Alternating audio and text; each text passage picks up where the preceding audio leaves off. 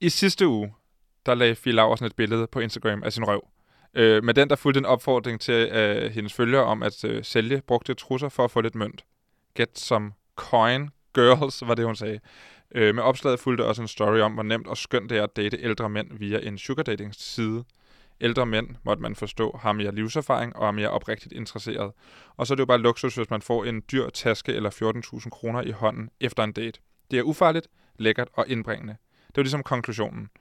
Øh, det medførte selvfølgelig en masse ballade, og der gik ikke længe før andre influencer og kendte meningsdannere kom på banen og kritiserede Fie Laursen for at reklamere for sugar dating, fordi hendes følgerskare jo er temmelig ung. Og så er der gået politik i den. Nu vil Nick Hækkerup se nærmere på, om der skal lovgives på området. Det er ligesom udgangspunktet for det her program. I dag der har jeg fået fin besøg ikke af Fie Laursen. Det har ikke været muligt uh, her på Laud at komme i kontakt med Fie Laursen, og hun vil efter sine kun udtale sig til se og høre om den her sag, desværre.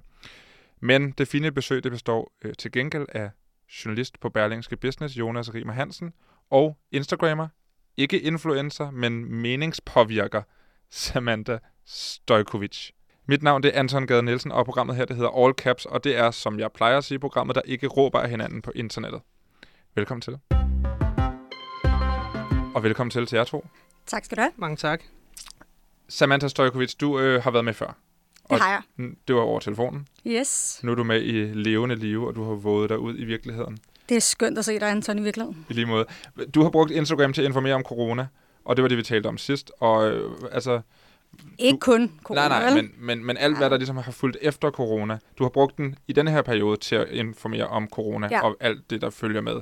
Hvad, øh, hvad skal du så lave på Instagram nu? Jamen, jeg skal lave det, jeg altid har lavet. Ja. Øh, jeg skal snakke om politik og samfundsmæssige problemstillinger og prøve at få folk til... Ja, spildevand i Øresund har jeg blandt andet øh, øh, snakket om her for nylig. Øh, jamen alle de ting, der rører sig, øh, og forhåbentlig få en masse mennesker til at give a fuck, hvad der sker i samfundet.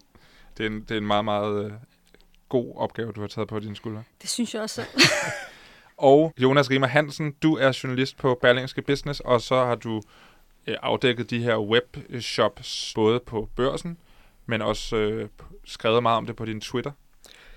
Ja, jamen jeg har øh, som fuldstændig rigtigt øh, kigget en hel masse på, på nogle af de ting, som, øh, som influencer øh, gennem det sidste lange stykke tid har, øh, har reklameret for øh, på kryds og tværs, og i den forbindelse skrevet en masse om som særligt et, et netværk af bagmænd, der ligesom stod bag en stor, stor del af, af alle de her produkter, som øh, mere eller mindre tvivlsomme produkter, som der blev reklameret for i en, i en lang periode. Og hvad, hvad skriver du ellers om for tiden? Jamen ellers så skriver vi også en hel masse om, øh, om corona. Det er jo ja. Øh, vigtigt for erhvervslivet. Og, øh, og så lidt øh, grøn omstilling og klima. Også vigtigt. Og til jer begge to, så tror vi, jeg gerne åbne op med at spørge, om, øh, om der følger et stort ansvar med, når man har mange følgere på sociale medier. Følger der et stort ansvar med? Ja, det gør der selvfølgelig. Ja. Det øh, længere den ikke. Udopstegn, slut. Hvad tænker, hvad tænker du, Jonas? Ja, det gør der jo helt klart. Altså nogle af dem, som, øh, som er sådan nogle levende reklamesøjler, har jo over en halv million følgere. Altså, så du når ud til ekstremt mange, også i forhold til klassiske medier. Øh, der er, der er mange, der ser de her ting. Selvfølgelig har du et stort ansvar for, hvad du sender ud i hovedet på dem. Og det påvirker jo også det her med, at øh, det er jo der, de unge får inspiration. Det er jo der, de, øh, man ligesom øh, får sin hvad sejt, hvad ikke sejt. Altså, jeg ved godt, det er sådan sat meget sort-hvidt op, men det er jo der, hvor man ligesom sådan, fordi at det der er med influencer, som til forskel for måske A-kendte store skuespillere osv., det er jo, at de er lidt mere ligesom os alle sammen. Man kan identificere sig meget mere med dem. Øh, fordi det er bare almindelige mennesker, som også går i skole, og som også bor du ved, lige rundt om hjørnet. Og de går også i byen det samme sted som dig, øh, og går på de samme caféer som dig. Så det føles lidt mere virkelig, altså sådan lidt mere på ens... En til en. Ja, en til en, lige ja. præcis. Så jeg tror, de har en meget, meget større indvirkning på folk, end, øh, end øh, Hollywood-stjerner har. Så når du ser en reklame fra en, som du ser op til, eller som du synes ligner dig, så, så fungerer den bedre for dig, end hvis du bare ser den på TV3 med en eller anden eftersynkroniseret tysker? 100 procent. Det tror jeg. Altså, vi kan ikke rigtig altså sådan, forholde os til Angelina Jolie. Vi kan synes, hun er utrolig smuk, men altså, vi føler, det er uopnåeligt, øh, hvis hun reklamerer for en eller anden øjenvipserum. Øh, så tænker jeg, ja, det er godt med dig. Ikke? Du har også millioner i banken. Og, ja. og, øh, men hvis vi for eksempel ser en eller anden, anden øh, Instagrammer øh, reklamere for det, som sådan, ser lidt, selvfølgelig er hun smuk, det er ikke noget der, men så virker det lidt mere sådan, ah, hvis hun bruger den, og hvis det virker på hende, så kan det også virke på mig. Mm. Og øh, vi skal tale om webshops, og det du taler om, Jonas øh, Rimer Hansen her, lige om lidt. Øh, men først dykker jeg en lille bitte smule mere ned i denne her sag om sugar dating, fordi det, der ligesom var kritikken af hele den her øh, reklame var jo ikke så meget, jo, det var selve reklamen, men det var det her med at tale om sugar dating som noget almindeligt og sidestille det med at gå på dates. Og det er jo altså lovligt både at købe og sælge sex i Danmark, og selvom voksne mennesker jo må til en vis udstrækning selv bestemme, hvad de bruger deres liv på, og hvad de gør ved deres krop, så er der altså mange gråzoner i det her med at reklamere for sugar dating for en øh, meget ung målgruppe. Øh, og derfor så skal vi tale om, øh, om de e- etiske aspekter i, i det at være influencer. Øh, danske blogger for DJ har lige udgivet 13, retnings, 13 punkter, 13 retningslinjer for god etik og moral for en influencer, og det skal vi snakke om senere. Øhm, Jonas Rimmer Hansen, hvem, hvem har ansvaret i denne her, hvem tænker du, hvis du har et bud, har ansvaret for denne her øh, sag om øh, sugar dating annoncer på Fie Laversens øh, Instagram? Ja, altså for mit vedkommende kan jeg jo måske bare konstatere, at, at nu har jeg jo ikke fulgt, øh, fulgt med og skrevet om, om den konkrete sag der. Man kan sige, med de ting, jeg har skrevet om, som Fie Laversen ellers har reklameret for på kryds og tværs, så er jeg måske ikke så overrasket øh, over, at der også er det her. Og, øh, men man kan nu har nu som du siger, du har ikke dykket ned i, i bagmændene bag, men men undrer det dig, at man når man har sådan en øh, business vælger en en influencer som Fie Lausen? Nej, det undrer mig, det undrer mig nok ikke, ikke sønderligt. Nej. Samantha, du øh, reklamerer for ting på Instagram. Hvad, hvilke overvejelser gør du der, før du siger ja til at lave sponsoreret indhold? Jamen, øh, jeg tjekker, hvem det er, og ser, hvad de står for. Øh, og øh, jeg står faktisk også altid der CVR-nummer op. Fedt. Øhm, men det er bare for at se, jamen altså, kører vi en masse firmaer, som virker lidt mærkeligt. Er det sådan, vi åbner firmaer, går vi konkurs, åbner firmaer, går konkurs. Selvfølgelig er der nogen, hvis der kommer nogle større, nogen, som, øh, så ved man ligesom, okay, de er lidt legit. Øh, men de her lidt mindre virksomheder, som er jo oftest dem, som henviser, øh, henvender sig til mig Øhm, så, bliver hun, så tjekker jeg baggrunden for det. Og Jonas, du er jo meget, meget inde i det stof med CVR-nummer og sådan noget. Er det en god metode at tjekke op på, hvem er bagmændene, hvem er det, hvad har de ellers i, af ting i rygsækken? Ja, altså, det kan du i hvert fald super nemt øh, se. Altså, i, I de her sager, hvor, hvor jeg skrev om, uh, at de samme mennesker stod bag sådan en helt utal af webshop, altså, der kan du se, at stort set alle de selskaber, som der ligger bag, at det er sådan nogle helt nyåbnede selskaber, som der aldrig nogensinde er kommet med et regnskab, og åbnet for to måneder siden, og et eller andet fantastisk produkt, der skal øh, gøre whatever, som er helt magisk på no time og sådan noget. Altså, så der tænker jeg da, at man ret hurtigt kan gå ind og se, at jamen, øh, hvis der er et CVR-nummer på et selskab, som lige er oprettet, eller Øh, eller endnu ikke har aflagt et, et eneste regnskab, og man så også kan se, jamen så kan man jo se, hvem der ejer det selskab, og så kan man lave en hurtig Google-søgning, og der vil komme nogle ting op med nogle af de folk, som, øh, som jeg blandt andet har skrevet om, hvor man måske hurtigt kunne se, at øh, okay, har de her mennesker måske opfundet øh, den hellige gral inden for tandblejning, når nu at man kan se, at de gennem de seneste fire år har været under anklage for det ene og det andet og det tredje. Altså det vil man ret hurtigt kunne finde ud af. Ja, det synes jeg er en rigtig god pointe, det der med, at altså, hvis det er det ved undermiddel, mm, altså som koster 50 kroner eller 150 kroner. Altså, ja. hvor real er det, people? Altså. Og det vil man jo i virkeligheden også kunne gøre som øh, forbruger, som sidder og ser ja. de her reklamer for influencer, gå ind og dobbelttjekke, hvis man er i tvivl om, de har tjekket det ordentligt.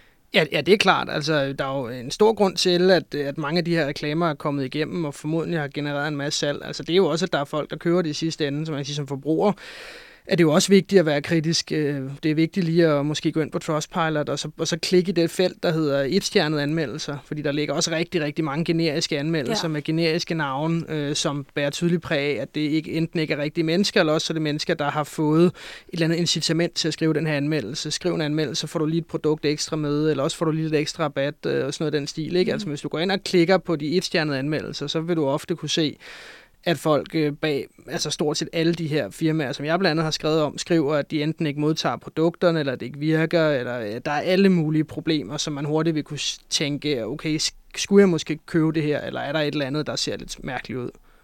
Og så har vi faktisk afdækket i, øh, i et andet program, som bliver produceret her på Enigma, som hedder Via Data, at der jo også findes de her øh, clickworkers, som man kan bestille folk til at gå ind mm. og anmelde ting på, øh, på Trustpilot faktisk. Så hvis man ikke har brugt øh, rigtige kunder, så kan man bruge nogle, øh, nogle falske kunder for meget, meget få øh, sendt.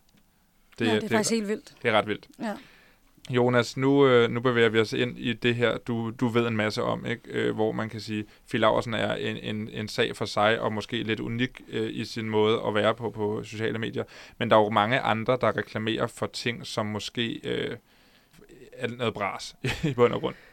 Ja, ja, altså det er jo det i hvert fald i, i de mange artikler, som, øh, som jeg har skrevet om, det er ligesom at fokusere ind på bagmændene, der har det jo i alle tilfælde selve produkterne, og det er der jo rigtig mange, specielt dem jeg har fulgt med i, mange af de her reality-folk fra forskellige programmer, øh, Paradise Hotel, X on the Beach, Love Island, alle den slags programmer, har reklameret og reklamerer stadig nogle af dem for, øh, for en hel masse produkter, hvor det, jeg tror, sådan det overordnede tema er jo, at, øh, at hvis det er for godt til at være sandt, altså, så er det det nok også. Øh. Kan, kan du komme med nogle eksempler på nogle af de her produkter?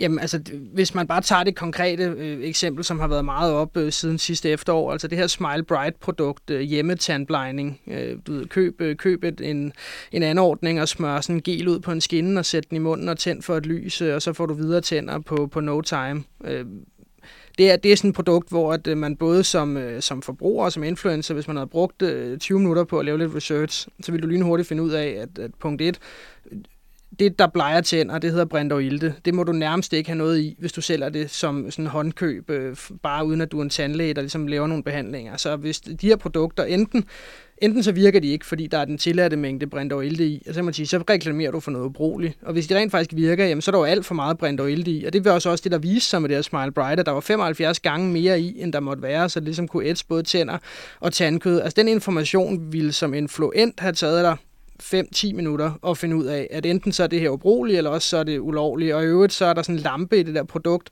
som, øh, som er der til ingen verdens nytte. Det lys, der kommer ud af sådan en maskine, virker overhovedet ikke. Og allerede der vil man måske tænke, okay, hvis jeg skal reklamere for noget med, med sådan en eller anden form for gimmick med noget lys, som i øvrigt er fuldstændig ubrugeligt, er det, er det så noget, jeg bør bevæge mig ind i? Ikke? Altså, hvad er det, der foregår her? Ikke? Øh, og i ja. det konkrete eksempel kunne man så også, hvis man havde lavet et CVR-nummer, søgning, så vil man finde ud af, at øh, jamen, det var et stort set nyoprettet selskab. Bag det selskab øh, stod der en, som jeg har skrevet meget om, og den samme, hvis du laver en søgning på hans navn, så dukker der artikler op øh, til, helt tilbage fra sådan 2013, hvor han på kryds og tværs er, er blevet anklaget for øh, efter den ene og den, efter den anden webshop og øh, fåbe folk på kryds og tværs og, øh, og sælge alt muligt ubrugeligt. Altså, så, altså, nu har du googlet i 20 minutter, ikke? Du har fundet ud af, at produktet i ja. sig selv er enten ubrugeligt eller ulovligt, og ham, og ham der sælger det, øh, har været under anklage i adskillige år for det ene og det andet og det tredje. Ja. Ja, det, det, er ikke, det er ikke lang tid at bruge på det. Hvad, hvad, hvad er grunden til, at man ikke gør det? Hvad, har du et bud på det, Samantha? Hvorfor, hvorfor bliver der ikke googlet på den måde, som det lyder forholdsvis nemt? Det er faktisk et godt spørgsmål, for jeg undrer mig rigtig meget over det, fordi at nu har jeg også selv nogle veninder, som øh, jeg udlægger dem ikke. Nej, I'm not a snitch. Hvem det er, der har øh, reklameret for de her produkter. Øhm, og jeg ved også, at nogle af dem har altså en management bag sig, som godkender de her produkter. Så jeg ved for eksempel fra deres side af, jamen, så handlede det om, at deres management havde ligesom sagt, okay, vi kan godt reklamere med det her, så er det lidt godtroende. Altså, altså selvfølgelig så tror de jo på deres management. Det vil man jo tro, at når de siger, det er godt nok det her produkt, det kan du godt reklamere for. Øhm, men hvorfor andre ikke gør det? Jeg tror bare, jeg, jeg ved faktisk ikke, jeg, jeg har ikke gidsne om, hvorfor det kan være beløbet. Nu ved jeg, at de har ja. fået ret mange penge for det. Ja. Øh, der er blevet øh, for at reklamere for de her ting her. Øh, og i forhold til det med Smile Bright, der tror jeg også, det har noget at gøre med, at øh, det har været reklameret rigtig, rigtig meget af amerikanske influencer. Okay, så det er sådan en tendens. Tid. Ja, uden der er nogen, der har nok sagt noget her i ja. Danmark, altså omkring det. Øhm, så der har været sådan et trend omkring det. Så jeg tror bare, det har været sådan, at de hoppede med på bølgen. Øhm. Har, har de henvendt sig til dig? Nej. Nej. Nej. Heldigt. Eller, ja. Jeg vil aldrig reklamere for sådan noget. det kan være, det, det, det er heller ikke min... Altså, ja, der er ikke så nogen, der hen, henvender sig til mig. Øh, fordi jeg, jeg er ikke i den målgruppe. Nej. Jeg reklamerer ikke for sådan nogle ting der. Jonas, kan du ikke komme med nogle, øh, nogle andre eksempler? Du ved, det er noget med en hårbørste og en holdningskorrigerende øh, trøje. Jo, altså det samme netværk, øh, som stod bag øh, Smile Bright, er jo også, er jo også det tætte netværk af, af venner, som øh, står bag blandt andet My Posture, som var meget op i tiden, øh, der ligesom bliver solgt som værende en, en holdningskorrigerende trøje, men, men ligesom bare en stram t-shirt fra Kina, som i virkeligheden er lavet til at holde dellerne inde, øhm, mm. og, som, og som jeg ved, de betaler øh, få dollars per styk, og så sælger øh, som værende holdningskorrigerende tøj. Altså øh, det eksemplet med hårbørsten, jamen det samme netværk havde reklameret for en hårbørst, som er en en-til-en kopi af en hårbørst fra et amerikansk mærke, der hedder, der hedder Revlon, øh, som mm. laver sådan en, en reel hårbørst. Og der undrer det mig jo også, at man, at man som influent, øh, når nu man får et tilbud om at reklamere for, for det her, at man så ikke starter med at ind på hjemmesiden, øh, og så se, at jamen, inde på deres hjemmeside, i al deres markedsføring, optrådte der jo videoer med en Revlon-børste. Tydeligvis det er et produkt, du ikke reklamerer for. Altså den eneste forskel er, at det, den børste, du reklamerer for, der står ikke Revlon på. Hvorfor gør der ikke det, når nu den ene en ligner den rigtige børste, du kan købe øh, i, i forskellige andre butikker? Altså det er i, i mit hoved er det jo også altså, i, i, i bedste fald øh, meget, meget ukritisk, at man øh, ikke stiller nogen som helst spørgsmålstegn ved, øh, er jeg egentlig ved at reklamere for, at det sted er kopiprodukt? Øh og hvad er det overordnede problem? Altså, er det de, de ukritiske influenter?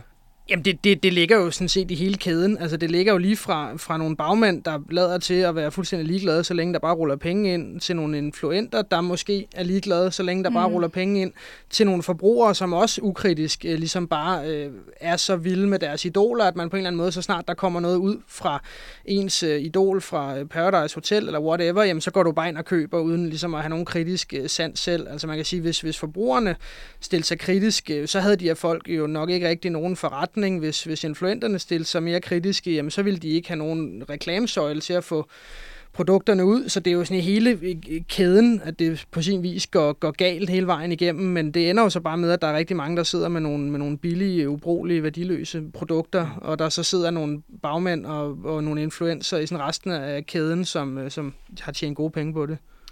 Og så er det vel også øh, skadeligt for branchens ry, kunne jeg forestille mig. Altså nu, øh, nu laver du, som man tager reklamer på Instagram, mm. og selvom du ikke kalder dig selv for influencer eller influent, som det danske ord hedder, så er det vel stadigvæk noget, der kan smitte af på en, der prøver at tjene penge på den måde, du gør på Instagram. Ja, øh, og det giver selvfølgelig et mega dårligt ry, øh, og jeg tror, det er rigtig, rigtig svært, især for folk, som laver... Øh, beauty influencers, altså fordi det er der, hvor at fælderne mest klapper i. Mm. Det er de, simpelthen de her produkter, øh, om det er vippeserumer, eller hårbørster, eller Smile Bright, eller hvad det er. Det er oftest dem, fordi det er sådan nogle produkter, virker. Det er lidt noget andet, hvis det er noget, dem, som sælger for eksempel, eller prøver at reklamere for tøj. Øh, der er heldigvis ikke så mange scammers derude. Øh, men det, det påvirker hele, hele branchen, og det påvirker øh, alle folk. Øh, det gør også, at rigtig mange influencers også er nødt til at sige nej til nogle reklamer, som bliver lidt tricky omkring. Det går også ud over de her mindre virksomheder faktisk, som er legitime og øh, gerne vil sælge nogle produkter, og de har et super godt match med de her influencer. Men måske tør influencerne ikke at gøre det, altså. Øhm, og så tror jeg også bare, det har skabt måske lidt dårligt ry, som du snakkede om hos mange reality, som egentlig bare, mange af dem sælger bare øh, reklamerer for hvad som helst, som ja. de kan få penge for. Okay, det interessante, synes jeg, er, hvis du lever et liv, som nogle af mm. de her mennesker gør, som er sådan lidt øh, crazy, lidt øh, uovervejet, lidt øh, fra den ene dag til den anden, kan man så stille den slags mennesker til ansvar for at øh, reklamere for noget, til de, som de helt tydeligvis ikke har gennemskuet? Altså, man er jo stadigvæk bare Jeg synes, en at, ung at, kvinde, at være, som... være dum øh, frikender dig ikke for, for ting. Altså, det, det, det, det, det, det synes jeg ikke. kommer meget an på situationen. Ja. Ikke? Altså, man siger, det, det som altså som min research i alt det her jo bare har vist gang på gang, det er jo, at der har været altså produkter, som helt tydeligt altså er altså scam-produkter. Altså det er jo alt, det, det er jo, og det er jo netop når det er for godt til at være sandt, ikke? Altså det er hjemme, det er hjemmetandblejning, det er slankeplastre, det er rynkeplastre, det er sådan noget mm. detox under foden plastre, det er sådan mulige anti-rynkeprodukter, mm. elektriske ansigtsbørster og læbeserum og sådan noget holdningskorrigerende, det ene og det andet, elektriske ting til mave, arme og ben og sådan Altså der, der, der kan selvfølgelig være tilfælde, hvor at du kan, øh, selvfølgelig kan du blive fanget i at reklamere for et eller andet øh, øjenvippeserum, som måske ser lidt jet ud, og så, og, så, ja. og så virker det ikke, altså, eller fred være med det.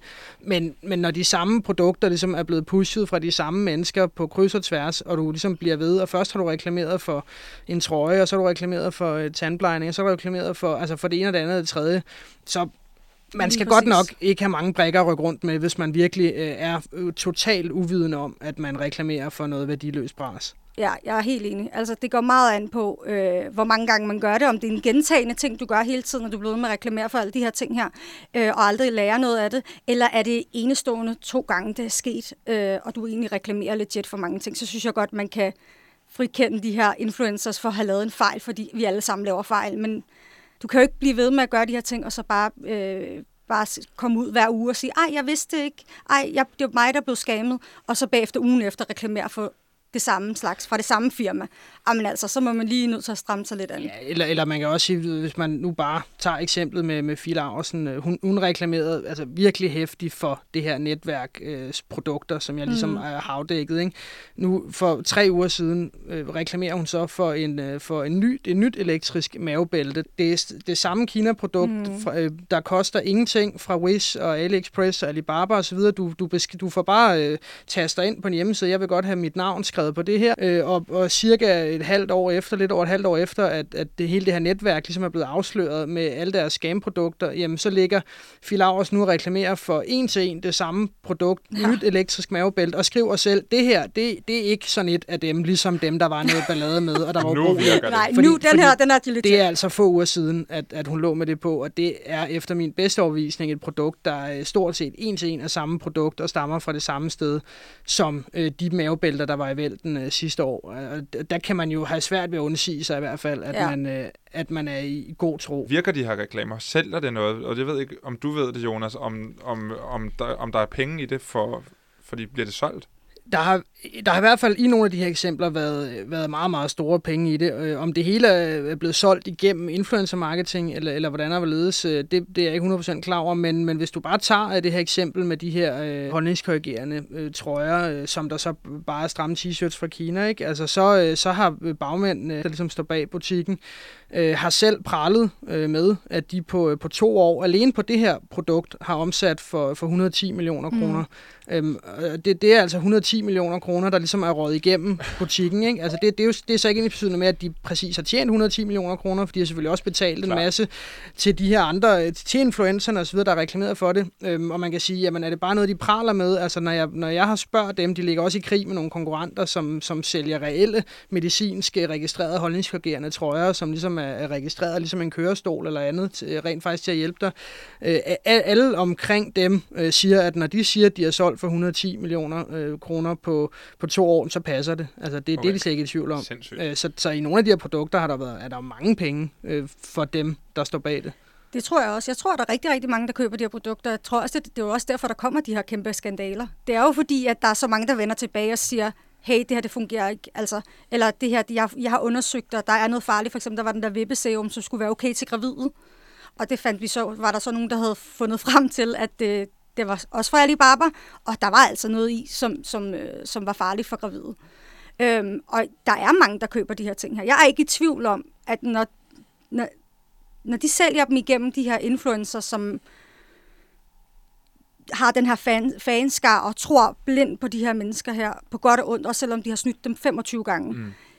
de får solgt dem. Også fordi det er en prisklasse, som de kan være med i. Og er der, det ved jeg ikke, om du ved, Samantha, øh, men er der gode penge i det for influencerne også? Altså for, øh, bliver de godt betalt for at reklamere for ting som vi- vippeserum eller øh, tandplejning? Det tror jeg, lige de der to produkter, tror jeg, de har fået rigtig gode penge for. Det har jeg fornemmelsen af. Jeg ved det faktisk ikke, øh, men det tror jeg. Det, det, kan, det, det tror jeg virkelig, det har. Og så er der jo, øh, så er der jo ud over bagmændene og influencerne, så er der jo alle øh, dem, som jeg snakker om nu, som er de slutkunderne, altså dem, som går ind rent faktisk på webshoppene og køber de her produkter.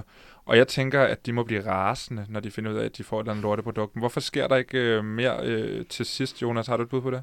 Ja, altså det, det, som det har vist sig, det er jo øh, de her tilfælde, der er rigtig mange penge i det for bagmændene. Der er givetvis også mange penge i det for, for influenterne. Den enkelte bruger, der køber de her ting, det er jo tit produkter, der bliver solgt til 400-500 kroner, og så bliver det med lovning på, at det er med 50% rabat, der er 70% Mm. rabat, og hu hej, hvor det går, og sådan noget, til, altså, hvor det aldrig har kostet de der før priser. Ja, det er sådan nogle falske førpriser, som jo Ja, ja. faktisk er ulovligt. Ja, ja, det, det er jo ulovlig markedsføring. Mm. Mm. Øh, men, men, øh, men de sælger noget til, folk køber øh, produkter til 400-500 kroner, ikke? Og så er der bare et klart, klart billede af, når man har siddet tærsket de her uh, Trustpilot-anmeldelser uh, lignende igennem, som jeg har på de her forretninger. Altså, uh, de fleste folk, hvis du kører noget til 500 kroner, du får et produkt, om det er så en hårbørste eller whatever, den virker, enten virker den dårlig, eller også virker den simpelthen ikke. Eller så, så, så smider de det ud. Altså, det, der er virkelig de færreste, der når frem til, at man simpelthen indgiver en klage til forbrugerombudsmanden, eller ja. melder dem til politiet, har sådan et landsdækkende center for internetsvindel. Øh, og, og der er jo anmeldelser hen. Politiet er i gang med at undersøge det her øh, netværk, som, øh, som jeg snakkede øh, om og har afdækket. Øhm, fordi for der er folk, der melder dem, men der er nok ikke ret mange, der melder dem, fordi det er produkter, der er så billige, som man siger, den enkelte bliver snydt for forholdsvis få penge. Det bliver mange penge i den anden ende, men det, de enkelte forsøger sig med at sende produkterne tilbage, og så er der nogen, øh, jo, altså, så hører de ikke fra butikkerne, og så ringer man, så bliver, ringer man til en telefon, så bliver man smidt af fra sådan en automatisk telefonkø, når man har siddet i tre timer, så sender man ja. en mail, så hører man ikke noget, så sender man en ny mail. På et tidspunkt giver de fleste mennesker op og smider det ud, øhm, og det viser sig så også, at dem, der så ikke giver op, øh, tegner sig der et klart billede af, at det øjeblik, at man for eksempel øh, henvender sig til dem her og siger, ved du hvad, nu, nu jeg melder jer til politiet. Altså, mm. I, I har snydt mig, det er et scam-produkt, jeg melder jer til politiet. Så har de deres penge dagen efter. Fordi det gider de jo ikke, de her folk, der er bagved det. Du ved. Så, der, så drejer det sig om 500 kroner fint, så skynder man sig at overføre dem, og så undgik man en politianmeldelse der. Smart. Det er ja. ret smart. Men, hvad, men hvad bør man gøre, altså hvis man sidder som forbruger og har og er blevet snydt af, en, af et lorteprodukt på en øh, åndssvag webshop? Har, har du et godt råd til, hvad man ligesom skulle gøre for at få det stoppet på i Jamen altså, du, du, du, du har jo, øh, hvad skal man sige, helt banalt nogle krav til ligesom at få, at få returneret nogle ting og sådan noget. Men, men ellers, altså jo, politiet har jo et, øh, hvis man vidderligt mener, at man, at man sidder med noget, der er blevet solgt med, som værende noget, det slet ikke er, øh, eller man ikke modtager noget simpelthen, efter en måned sidder og ikke har modtaget noget, så har politiet sådan et internet IT-svindelcenter kaldet ELSIG, hvor man simpelthen kan indgive en, en anmeldelse øh, og eller man kan øh, også klage til forbrugerombudsmanden. Altså de sidder og samler de her sager. Øh, politiet har på, på, på det konkrete netværk, som jeg øh, har, af, øh, har afdækket ligesom en masse ting, der hang sammen, og en masse webshops, der hang sammen. Jamen, der har det her politiets øh, IT-svindelcenter over en periode indsamlet øh, nu mere end, end 50 anmeldelser, øh, og ligesom sendt over til efterforskning hos Østjyllands politi. Nu alt det her, det kommer ligesom fra Aarhusområdet, så er det Østjyllands politi, der skal finde ud af, hvad der så reelt foregået. Altså det er ikke fordi, der er faldet nogen dom eller, eller noget i de her, i de her sager, eller, eller nogen sigtelser, endnu, men, øh, men der sidder altså nogen, der samler de her, og så har der sådan en IT-svindelcenter, der har som sin spidskompetence at se de her sammenhænge og finde ud af, jamen, hvad foregår der egentlig noget mærkeligt her. Så selvom man kun er blevet snydt for 400 kroner, altså så vil, hvis man, det, man mener, man er det, øh, der kan også være tilfælde, hvor at, at, at man af en eller anden grund øh, ikke er blevet så snydt, som man selv tror, ikke? Men altså, ja. hvis man mener, man vidderligt er blevet snydt, jamen så meld det øh, til, til det her politiets øh, Elsik øh, Svindelcenter, og så ser de jo på, om der er en sag, og måske har de fået 50 anmeldelser om samme butik, og så tegner der så hurtigt et billede af, det her skal vi nok kigge på. Ikke? Det er virkelig det, der er en meget god pointe, at hvis alle der, der oplever det her, gør det, så er det lige pludselig ikke bare en lille anmeldelse på 400 kroner, så er det lige pludselig måske Ja, så, så, så vil politiet jo øh, hurtigt øh, ligesom kunne danne sig et, et overblik af, her er der i hvert fald x antal kunder, der mm. mener, at de er blevet snydt. Så det er nok noget, vi skal kigge på ret hurtigt, øh, fordi det netop ikke drejer sig om en eller to. Ikke? Øhm, og så er det så politiets opgave at finde ud af, jamen, er de så reelt blevet snydt? Altså, fordi man skal jo så trods alt heller ikke dømme folk, før at, øh, at de rette myndigheder har været inde over. Nu er du jo erhvervsjournalist på Berlingske Business. Øh, er øh, denne her type fokusområde normalt stof for jer, altså influencer og webshops? Nej, altså jeg tror virkelig, en grund til, at det måske er gået under radaren så længe, er ligesom, at det falder ned imellem to stole. Altså hvis du, hvis du normalt øh, snakker om sådan typiske øh, erhvervsjournalister og graverjournalister, og sådan, så er det jo så er det jo sådan nogen, der sidder med hovedet dybt nede i at afdække øh, hvidvask-sagen øh, i Danske Bank og sådan lignende, hvor det er nok ikke folk, der ligesom opdager de her ting, øh, er måske ikke så meget på Instagram og følger de her influencer og kan se, at der kommer de samme reklamer op for de samme produkter på 30 forskellige sider. Øh, så de har måske ikke den fokus. Øh, så man sige, på den anden side, dem der så skriver rigtig meget om de her influencer, se og hør øh, Ekstrabladet, BT, altså det, det, dem, der, så det er meget sådan nogle små, korte, hurtige historier, øh, der selvfølgelig skal generere noget, noget trafik, øh, så man kan tjene nogle penge, ikke? Og, og, og der bliver der måske ikke gravet så dybt i det, så det falder måske sådan lidt mellem to stole, ikke? i forhold til, mm. hvem der egentlig burde sådan journalistisk kigge på det her. Så det er derfor, at det måske har få lov til at udvikle sig til en lidt større ting, øh, over længere tid, fordi der måske har, folk har tænkt, det var sådan lidt kulørt stof. Ja og, ja, og så er det jo svært at, altså, så er det jo øh, svært gennemskueligt, med mindre man, altså, når først man bruger meget tid på det, så er det ikke ret svært at gennemskue, at her er virkelig noget, der hænger sammen. Men fordi at en eller anden konkret, altså det der ofte sker, er jo, at en konkret webshop øh, har fået en masse klager på Trustpilot. Så er der måske et medie, der går ind og skriver den historie, kunder raser over den her webshop, øh, og, så, øh, og så er der nogle kunder, der stiller sig frem og siger, jeg har ikke modtaget mit produkt, eller det var noget billigt bras, eller jeg blev lovet en eller anden gave, som var fuldstændig værdiløs. Og så ringer mediet til, til bagmændene, det kan være nogle af dem her, som, øh, som jeg har øh, haft afdækket øh, i, i det, jeg har skrevet, og så siger de, jamen øh, vi, vi er faktisk rigtig kede af det på grund af ekstrem travlhed, så ved vi godt, at vi har været lidt bagud, og det skal nok blive bedre, og, og så videre, så videre, så videre, og så stopper historien ligesom der og så, og så bliver der ikke lavet den kobling, der hedder, at jamen, det her er jo så, det er jo de samme folk, der også stod bag den for et år siden, mm, og ja. to år siden, og tre år siden. Og, og dem, der gjorde det, de er jo et bedste venner med dem, som har stået bag det og det og det og det og det. Altså så, så det, det bliver sådan behandlet meget som sådan nogle enkelte sager måske, ikke, som gør, at det, at det flyver lidt under radaren, hvor stort omfanget egentlig er. Men er det ikke også sådan, at, at det er jo også først, når det går galt, at man ligesom tit opfanger det? Altså, man fanger det først, når der er nogen, der fået brændt halvdelen af deres tandkød, eller du ved, der er nogen, der har mistet deres øje, fordi de har brugt en væbesemo, eller der er jo. sket noget med deres barn. Det er jo ikke, altså, det, det, det er jo ikke, journalister bruger heller ikke tid på at altså, tænker virkelig, altså det er jo ikke Operation X, alle aviserne er vel. Altså, så, altså det kan hurtigt gå under radaren, at der kunne godt være noget her måske. Altså. Ja, og så, og så er der jo også det at det er jo øh, meget af det er sådan noget gråzone øh, lovgivning, fordi ja. at det er jo ikke, altså det er ikke ulovligt at købe et ubrugeligt mavebælte til 30 kroner i Kina, og så sælge det til, øh, til 500 kroner herhjemme. Altså den handling i sig selv er jo, er jo ikke ulovlig. Altså det er ulovligt, hvis du, hvis du sælger det som om, at det er meget, altså du ved, hvis du sælger det som om, det her det er årets produkt i Europa, ja. og det har de jo skrevet på de hjemmesider, du ved. Så på den hollandske hjemmeside har det fået fem stjerner af hollandske aviser, på den svenske fem stjerner mm. fra svenske aviser altså hvis du, hvis du lyver vidt og bredt om, hvad det er for et produkt, du sælger, så er det jo øh, overtrædelse af markedsføringsloven på den ene eller anden og den tredje måde, og i sidste ende kan det så også være altså decideret øh, bedrageri, øh, har øh, en, en, hvad skal man sige, en række jurister, som jeg har snakket med om det, sagt, fordi at hvis du sælger noget som værende en værdi, du godt ved, det slet ikke har, men du sælger det som værende en, til det her er virkelig meget værd, så snyder du folk, altså bevidst, fordi du ja. ved godt, at det slet ikke er det værd, du sælger.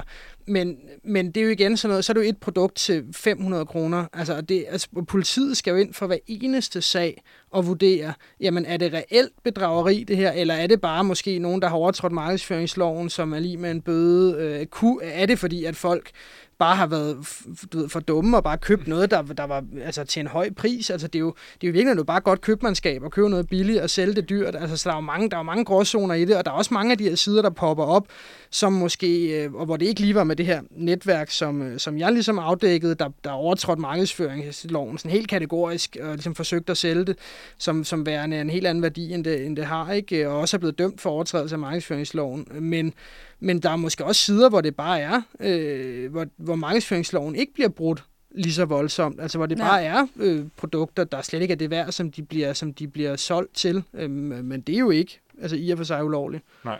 Nej, nej, det, det, det, det skal man bare vurdere som kunde, om man har lyst til at give så meget for et produkt, som man kan købe ja, om, til ret få penge. Ja, om, om man tror på, at, øh, at, at hvis der er et rynkeplaster, øh, du, ved, om, altså, du giver 400 kroner for det, jamen vågner du så reelt op næste morgen fuldstændig opstrammet og ser 10 år yngre ud? Altså, det, det gør du nok ikke, men... Nej, det gør du nok ikke. Du lytter til All Caps på Radio Loud. I dag der taler vi om det ansvar, der følger med med mange følgere. Øh, jeg har Samantha Stojkovic med i studiet, og Jonas Rimmer Hansen. Og øh, om lidt, der kan, vi, der kan I lige få lov til at høre et uddrag af et interview med Anders Hemmingsen, som øh, er øh, Instagrammer, har næsten en million følgere, og han var ret hurtig til at reagere på Fie Larsens story om sugar dating, da han bad sine følgere om at unfølge Fie på Instagram. Men øh, har han også selv lidt et ansvar, når han har så mange følgere for, hvad der så efterfølgende skete. Øh, det lyder nærmest lidt som en clickbait-overskrift.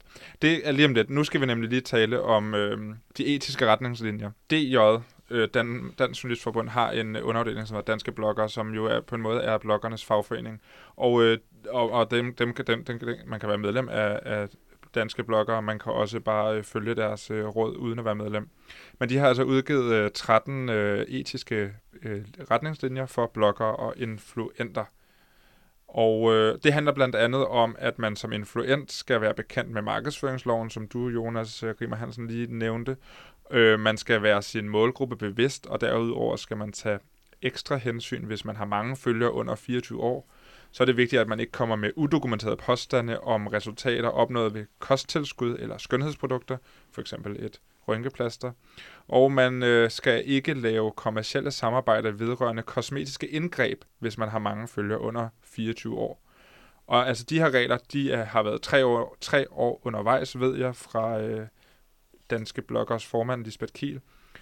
Og, øh, og de kommer med en ret god timing lige nu, et par dage efter Fie Laursens øh, historien og, og den sag, der har kørt i mange medier. Nu er det jo ikke en lov. Det er jo bare retningslinjer. Så Anta, hvad tænker du? Er det noget af de her 13 punkter, som, som influenter kommer til at følge? Jeg tror, at de influenter, der følger de her, som er etisk ansvarlige, øh, vil fortsætte med at gøre det, og dem, som ikke er det, vil fortsætte med ikke at være det. Jeg tror ikke, det ændrer noget som sådan. Øh, jeg synes, det er fint, det er kommet på papir. Sådan, det er vi alle sammen enige omkring det her. Men jeg tror bare ikke, det kommer til at ændre særlig meget øh, i forhold til, øh, igen, de her skandaleinfluencer. De kommer til at fortsætte med at gøre de ting, de gør, øh, fordi der er ikke nogen konsekvens for det. Det her, det er jo bare sådan, at så vi ser ned på det. Men det har de jo allerede gjort i forvejen. Øhm, så jeg tror ikke, det kommer til at ændre noget som sådan, men jeg tror, det er et godt øh, step til ligesom, at der kommer noget på skrift til at, ligesom at sige, okay, hvordan kan vi arbejde videre med det her? Fordi jeg, jeg synes personligt, at der har brug for noget form for regulering på internettet, ligesom vi har regulering for, for hvad man må markedsføre øh, og reklamere for i øh, aviser og i tv og så videre. Der er et behov for det, 100%, for lige nu er det bare sådan allemandsland, og problemet er, hvis alle var over 18 på Instagram, så ville det jo være fint nok. Så ville vi jo ikke, altså, så ville det være lidt mere frit. Men, øh, men der er altså, de fleste hovedsageligt er jo meget, meget unge mennesker. Ja, ja. Og, og Jonas, du sidder på en avis, som har øh, en redaktør og en chefredaktør og en ansvarshavende chefredaktør. Og der er det, det ligesom an, øh, den ansvarshavende øh, redaktørs ansvar, at øh, det, der bliver trygt i avisen, øh, er noget, han kan stå indenfor, eller avisen kan stå indenfor. Og hvis der er nogen, der klager, jamen så er det ham, der står til ansvar, eller hende. Øhm, det har man jo ikke, når man er øh, i sin eget, sit eget medie på Instagram.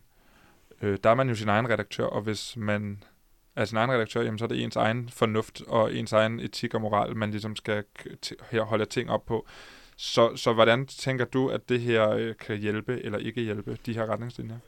Ja, altså det er jo, det er jo selvfølgelig rent gætværk øh, ja, for klar. mig, som, som ikke er øh, influent. Altså, men, øh, men jeg synes, jeg tror da, at der er noget rigtigt i det, som, øh, som Anta siger, at, øh, at, at hvis man var etisk og i forvejen, jamen så følger man jo det, og så er det jo, det er jo sund fornuft, der er skrevet ned. Altså jeg, jeg kan tvivle på med, med de konkrete eksempler på de reklamer, som, øh, som jeg ligesom har researchet og har eksempler på, øh, hvor at der er nogle tilfælde, som vi snakkede om før, i mit hoved vil være så nemt at finde ud af, at, at du vil reklamere for noget, der i, i bedste fald er ubrugeligt og værdiløst, og i værste fald kan være det sted ulovligt. Altså, hvis du ikke satte dig ind i det før, ikke var mere interesseret i at sige nej tak til, til de ting før, jamen så kan jeg da være, være i tvivl om, om, øh, om de her retningslinjer for alvor kommer til at ændre det for lige præcis dem, der, der også reklameret for de her ting inden.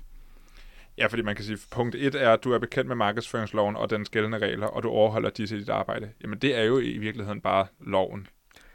Ja, og der, der kan du sige, altså sådan et, et, et nyere øh, eksempel, som, som jeg bare lige faldt over her øh, den anden dag, øh, at nu der er nogen, der i øjeblikket reklamerer for, og igen, det her, jeg aner ikke om, det er sådan en ny butik, jeg har ikke noget, der siger, at den har nogen, øh, at den har noget at gøre med det Aarhus-netværk, er afdækket, men nu er der noget, der hedder, der hedder NordicSkin.dk, øh, mm. som er sådan noget permanent, øh, permanent hårfjerning, øh, køb lige sådan en maskine her, altså hvor jeg bare kan konstatere, at, at siden den, blev oprettet, jamen så har der været 40% tilbud konstant. Øh, det, altså, det kan man sige, det er jo rent markedsføringslov, det, det må du ikke. Øh, du må ikke køre konstante tilbud, for så er det jo ikke et tilbud. Mm. Slet ikke, hvis du skriver, at det kun gælder i dag, at det så også gælder i morgen og dagen efter, om en uge og om en måned. øh, og, og, og det er der jo flere af dem, der, der reklamerer for nu. Altså, øh, om det produkt så er godt eller ej, aner det ikke. Men, øh, men altså, så på den måde er der jo er der i hvert fald nogen, der ikke ser så øh, højt og flot på, øh, hvorvidt de reklamerer for noget, der overholder markedsføringsloven eller ej. Og, øh, og, og hvad fanden gør vi så? Altså, hvordan, hvordan får, får vi os selv til at navigere i det her på sociale medier, når vi ser ting? Altså, I, I kommer med nogle bud, men kan I ikke øh, prøve at opridse, hvad, hvad tænker I, man skal gøre, når man sidder og ser en reklame for, fra en eller anden influencer, som man måske ser op til, og ser det her produkt. Hvordan, øh, hvordan slår man lige hjernen til, og Altså bliver det for, fornuftigt? ja. altså for det første, så hvem er det, der reklamerer for det her? Hvad er det for en influencer? Har den her influencer før reklameret for ting, som har kommet frem, ikke har været så godt? Er det noget, der er ligesom er gentagende? Så skal du måske lige overveje lidt en gang, om øh, hvor godtroende du skal være for den her influencer. Og så altid, lige meget hvad man køber, især noget, når det er noget, du skal proppe i ansigtet, eller du skal, øh, som en eller anden form for kemisk ting, øh, altid lige lave en undersøgelse, fordi at, øh, som vi også har nævnt det på gangen, det tager altså ikke mere end to minutter lige at undersøge en gang øh, af det her. Øh, og så lad være med at tage folks ord for gode varer. Altså, det, det, det, det kan man ikke. Det skal man ikke. Nej. Altså, det er, det, man bliver nødt til nogle gange øh, ja, tænke selv, øh, og så lige lave sit research, og det tager virkelig ikke så lang tid. Ej, Altså, det handler vel bare grundlæggende om, hvis du sidder som forbruger, altså ligesom med så meget andet i livet, altså hvis det, hvis det ser ud til at være for godt til at være sandt, så er det nok også for godt til at være sandt, at du kan for, for sølle 400 kroner opnå et eller andet mirakuløst. Øh, og, hvis, og hvis du stadig tænker, Nå, men, ej, det er øh, godt nok, det ser godt nok fedt ud, altså gå lige ind på, øh, på AliExpress, Alibaba, Wish, altså de her helt billige handelsplatforme. Prøv lige at se, hvad der, hvad der trender derinde. Øh, det ville ikke overraske mig, hvis, øh, hvis det sjovt nok er, er lige det, som du sidder med en reklame Mm. for, der i øjeblikket trender derinde. Det er det her hårfjerning, jeg snakkede om før. Øh, jeg var lige at tjekke, inden jeg kom herind. Ikke? Det, det trender på de sider. Ikke? Køb en maskine til, til 1.500 kroner, ikke? som så bliver solgt til, til 1.000 kroner eller 1.200 herhjemme. Ikke? Øh, og så tjek lige Trustpilot, ikke? og Ja. der tag de et-stjernede anmeldelser og se, hvad folk reelt skriver. Det er nogle super gode Ja. ja. råd. Men jeg tror bare, må jeg bare lige komme med en tilføjelse. Jeg tror bare lidt problemet er nogle gange med det her med, sådan, er det for godt til at være sandt, så er det det nok. Jeg er helt enig. Det er slet ikke det.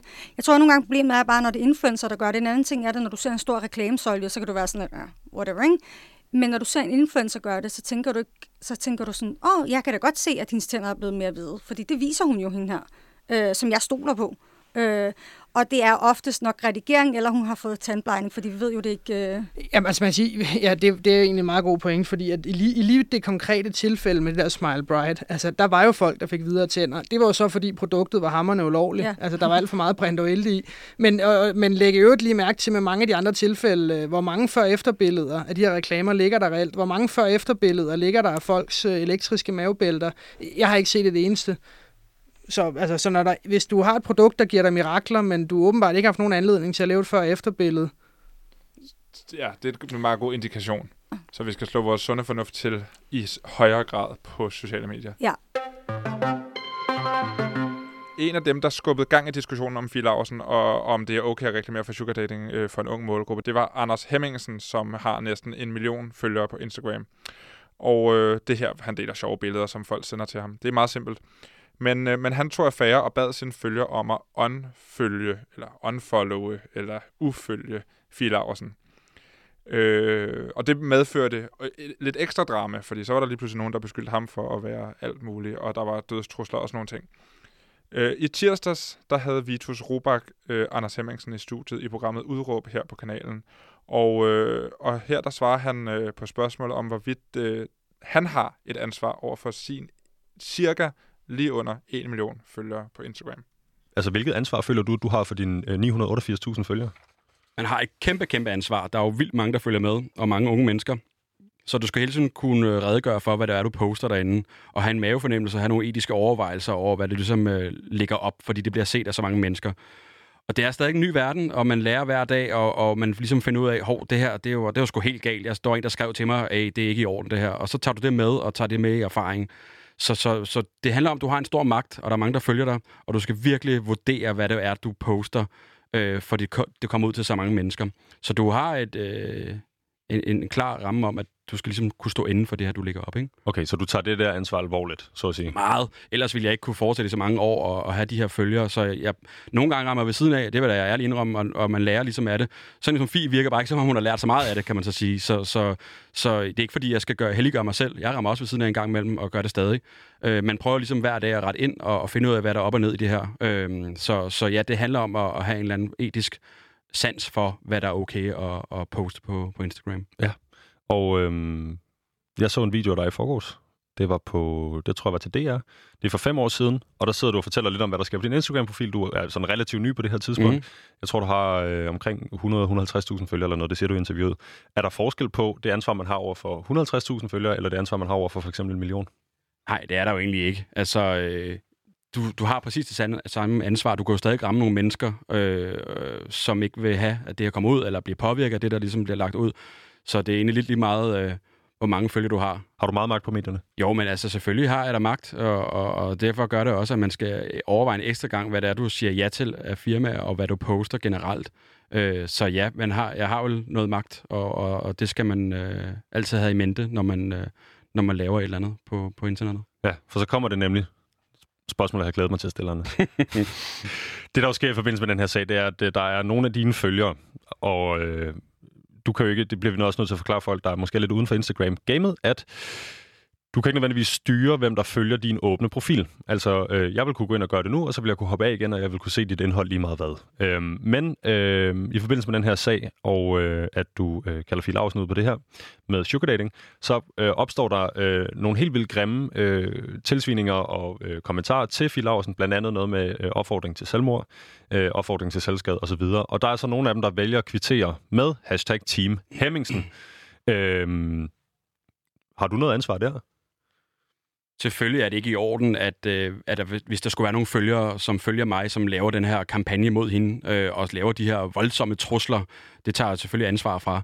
Øh, men jeg er bevidst egentlig ikke vil kommentere yderligere på det på Instagram, fordi at nu kender jeg lidt Fie, jeg kender hendes univers, og kender hendes game. Hun, lad os være ærlig, hun lever af drama på sin profil. Det er derfor, folk følger hende. Hun har et vanvittigt liv. Hun har skrevet bøger om det, det ene og det andet.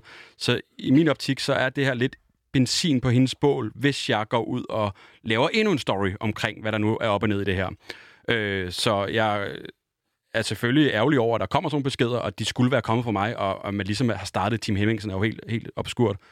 Men, men jeg, jeg vil helst lade den ligge nu, og ligesom har, har haft en finger op og sige, jeg, jeg har unfollowed, det burde du også. Det har ligesom været det. Mm. Og hvad der sker bagefter er selvfølgelig ærgerligt. Øh, men, men ja, det er i mente. Hun lever meget af drama, desværre. Altså, jeg vil altid tage afstand for, for dødstrusserne, men, men jeg vil ikke gå ud og melde det ud på min profil, fordi så er det benzin på bålet. Øh, så så øh, man kan sige, at det her, det, det der kommer ud af det der, det er jo, at man ligesom skal gøre mere, oplyse folk om det her sugar dating, kan man jo sige, ikke? inden man begynder at have for, for stærke holdninger til det, inden man begynder at poste til, til små børn. Øh, så, så ja, det er vel lidt konklusionen af den her, det her, den her story, der ligesom bare er gået amok. Ja, det var... Øh programmet Udråb, på, øh, som også sendes på Loud mellem 12 og 13 hver hverdag. Og, øh, og det skal lige nævnes igen, at både Vitus Robak, som laver udråb, og jeg her på All Caps, har forsøgt at komme i kontakt med Phil Larsen, og det har ikke været muligt øh, for at få en kommentar på den her sag. Det var, det var kort, hvad Anders Hemmingsen havde at sige, og vi behøver ikke at gå ned i det, men uh, Samantha, du havde bare lige en reaktion undervejs i forhold til det her med benzin på bålet. Ja, Øh, jeg havde mange reaktioner på vejen. Øh, nej, jeg synes, at øh, det er benzin på bålet, fordi at øh, Fie Laversen øh, som skandaleinfluencer lever jo af, at øh, hun skaber skandaler, og så får hun omtale, og så får hun followers, og så kører det bare. Jeg, jeg, jeg, jeg, jeg synes, det er godt, at, at øh, man, man ligesom øh, som et... Øh, influencer-samfund øh, mm. går ind og siger, at nu, nu går den sgu ikke længere, Fie. Ja. Nu, må vi, nu, nu er der også konsekvenser for det. Øh, og det kan godt være, at hun ikke har mistet følger, øh, hun har lidt, men hun kan jo bare købe nye følger igen. Har du en kommentar, Jonas, til, til det her Anders Hemmingsen, halløj? Ja, men i, i forhold til en diskussion, ja, jeg har jo ikke som journalist nogen, øh, dybest set nogen holdning til, hvad, hvad hun, hvad Fie reklamerer eller ikke reklamerer for. Øh, hvad skal man sige? Jeg, jeg, jeg kan vise på den research, jeg lavede med de ting, hun tidligere reklamerede for, at, at man skal bare lige huske i hvert fald, at det er jo ikke sådan noget filantropi, altså det er jo, det er jo kold forretning, altså også når man, når man følger de her folk, altså det handler om, at der skal nogle penge i kassen, og så, øh, og så er det, øh, det eneste, jeg ligesom har at sige til, til den der del, det er jo i forhold til sådan medie Danmark, sådan mit eget, mit eget fag, altså at, øh, at jeg har sådan lidt en agenda om, at, at folk skal bare huske at gå kritisk til de her folk, altså fordi at medierne er jo med til at give dem en endnu større platform. De lever af deres store platform, og det er, det er der jo ikke noget i vejen med, at, at influencer lever af at have en stor platform og gøre reklame og sådan noget. Men man skal bare huske som medier også at gå kritisk til dem, og ikke bare øh, skrive øh, overskriften, at øh, nu, nu taler Fie Laversen ud, kolon, øh, bla bla bla, i øvrigt er det bare, er det bare en sms, Oh, så enig. hun har sendt. Øh, det vil jeg i hvert fald ikke gøre som, ja. Ja. øh, som journalist. Det er ikke artikler, jeg nogensinde vil skrive, fordi at med, det, med den kendskab, jeg har til, til, hvad der ligesom foregår med alle de der businesses om, om bagved, altså så kunne jeg så er det vigtigt, at man ikke er med til bare at give dem en ukritisk, give dem en større platform. Helt enig. Helt enig. Du lytter til All Caps på Radio Loud. I dag der taler vi om det ansvar, der følger med med mange følgere. Uh, jeg har Samantha Stojkovic med i studiet og Jonas Rimmer Hansen. Her til sidst så øh, har jeg et lille indslag, som jeg kalder for content, hvor at vi øh, anbefaler nogle ting for lige at komme ud og lidt sende og lige komme lidt ud af denne her diskussion, vi har haft. Så skal vi komme med noget positivt til vores lyttere. Og, øh, og, og, og det har slet ikke noget med, med emnet at gøre. Nej, Det er okay. simpelthen bare... Øhm, lol. Har I, noget, har I noget, I kan anbefale, Jonas? Jamen, øh, jamen det, det bliver jo det bliver, det bliver jo mega biased, fordi jeg kommer, jeg har lige arbejdet på Dagbladet Børsen, men, øh, men øh, Børsens, øh, Børsens madanmelder Ole Troelsø, han laver en podcast, der hedder Til, til bords med, med Ole Troelsø, og der, øh, der moder jeg mig øh, ret meget over et interview med, øh, med den øh, gamle, øh, gamle kok, øh, Bo Jacobsen nede fra restaurationen, øh, der øh, for dem, der sådan er inde i den verden, øh, altid er god for, øh, for nogle øh, skarpe citater, nogle skarpe holdninger, hvor de, øh, de har haft sådan en interview her under corona i den podcast. Øh, det synes jeg var ret sjovt. Og hvad, hvad, hvad handler det kort om?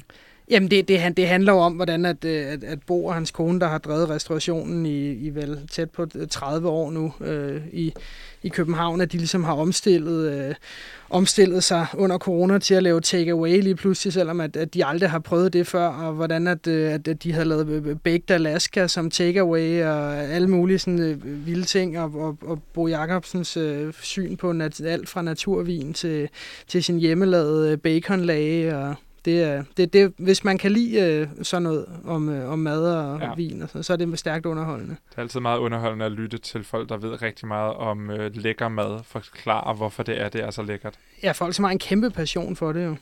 Og hvad hedder podcastet engang til? Den hedder Til bords med Ole Troelsø. Smukt. Det er en god anbefaling. Samantha, har du en anbefaling med? Ved du hvad? Nu når vi øh, laver lidt self-promotion, skulle jeg sige, så, så kører jeg altså også lidt self-promotion. Det må man gerne i 2020, ikke? Altså, Åh, oh, helt ja, klart. det må man gerne, ikke? Øh, det er først om to uger, så det er først den 10. Men den 10. kommer jeg ud med en podcast. Fedt. Ja, som hedder Give a Fuck. og øh, det handler sjovt nok også om mange af de ting, som jeg allerede snakker om, samfunds, øh, politiske emner, øh, og vi snakker om alt fra, jeg forklarer omkring, hvordan foregår valget, og de absurde ting, der er ved de amerikanske valg. Nu snakker jeg lige om amerikanske valg, for det er der. Øh, kører lige nu. Øh, det, vi snakker om zoologiske haver, hvorfor jeg synes, de skal være lukket. Okay. Øh, det er mange forskellige ting, det er mange forskellige emner. Der Ja, kommer er fem afsnit ud. Nej, det bliver faktisk sammen med min kæreste. Øh, Jeg er verden, Mm. og han er ligesom modtageren. Han har ikke rigtig tid til at sætte sig ind i så mange ting. Øh, han interesserer sig sindssygt meget for det. Vi er meget politisk forskellige, Mm. så det er meget fedt. Øh, men han øh, har ikke rigtig tid i sit travle hverdag til at sætte sig ind i alle mulige øh, finurligheder. Hvordan foregår det ene, og hvordan foregår det andet. Så han øh, er meget godt min, øh, mit publikum. Fedt. Så, øh, så det bliver Det bliver spændende at høre til. Ja. Eller lytte til. Fedt. Stærkt. Nå, men så øh, er du så slut. Er det så færdig med at komme øh, i mit program, fordi du får det der aldrig nogensinde. Jeg kommer hver, hvad er det, hver torsdag? hver torsdag? Jeg har hver torsdag. Vi ses næste torsdag alle sammen. Tak for i dag. Hej hej. Okay, jeg har også en anbefaling her, som også er en podcast. Go for it. Øhm, det er, den, er lidt, øh, den er lidt gammel, den er også lidt dyster, men det er simpelthen uh, Chasing Cosby. Jeg ved ikke, om I kender til den. Uh. Som er LA Times, der har lavet en uh, podcast om en journalist, som har dækket uh, Bill Cosby-sagen fra den startede til den ligesom sluttede.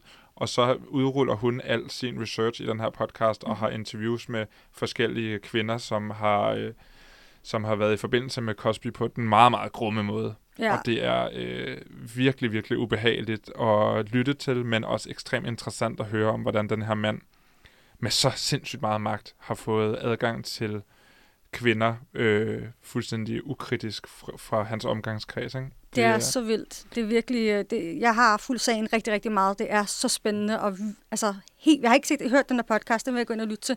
Det er virkelig, virkelig interessant. Ja. Altså, og han har kunnet gøre, gøre det i så mange år. Ja, man får helt kuldegysninger. Nå, det var all caps for i dag. Mm.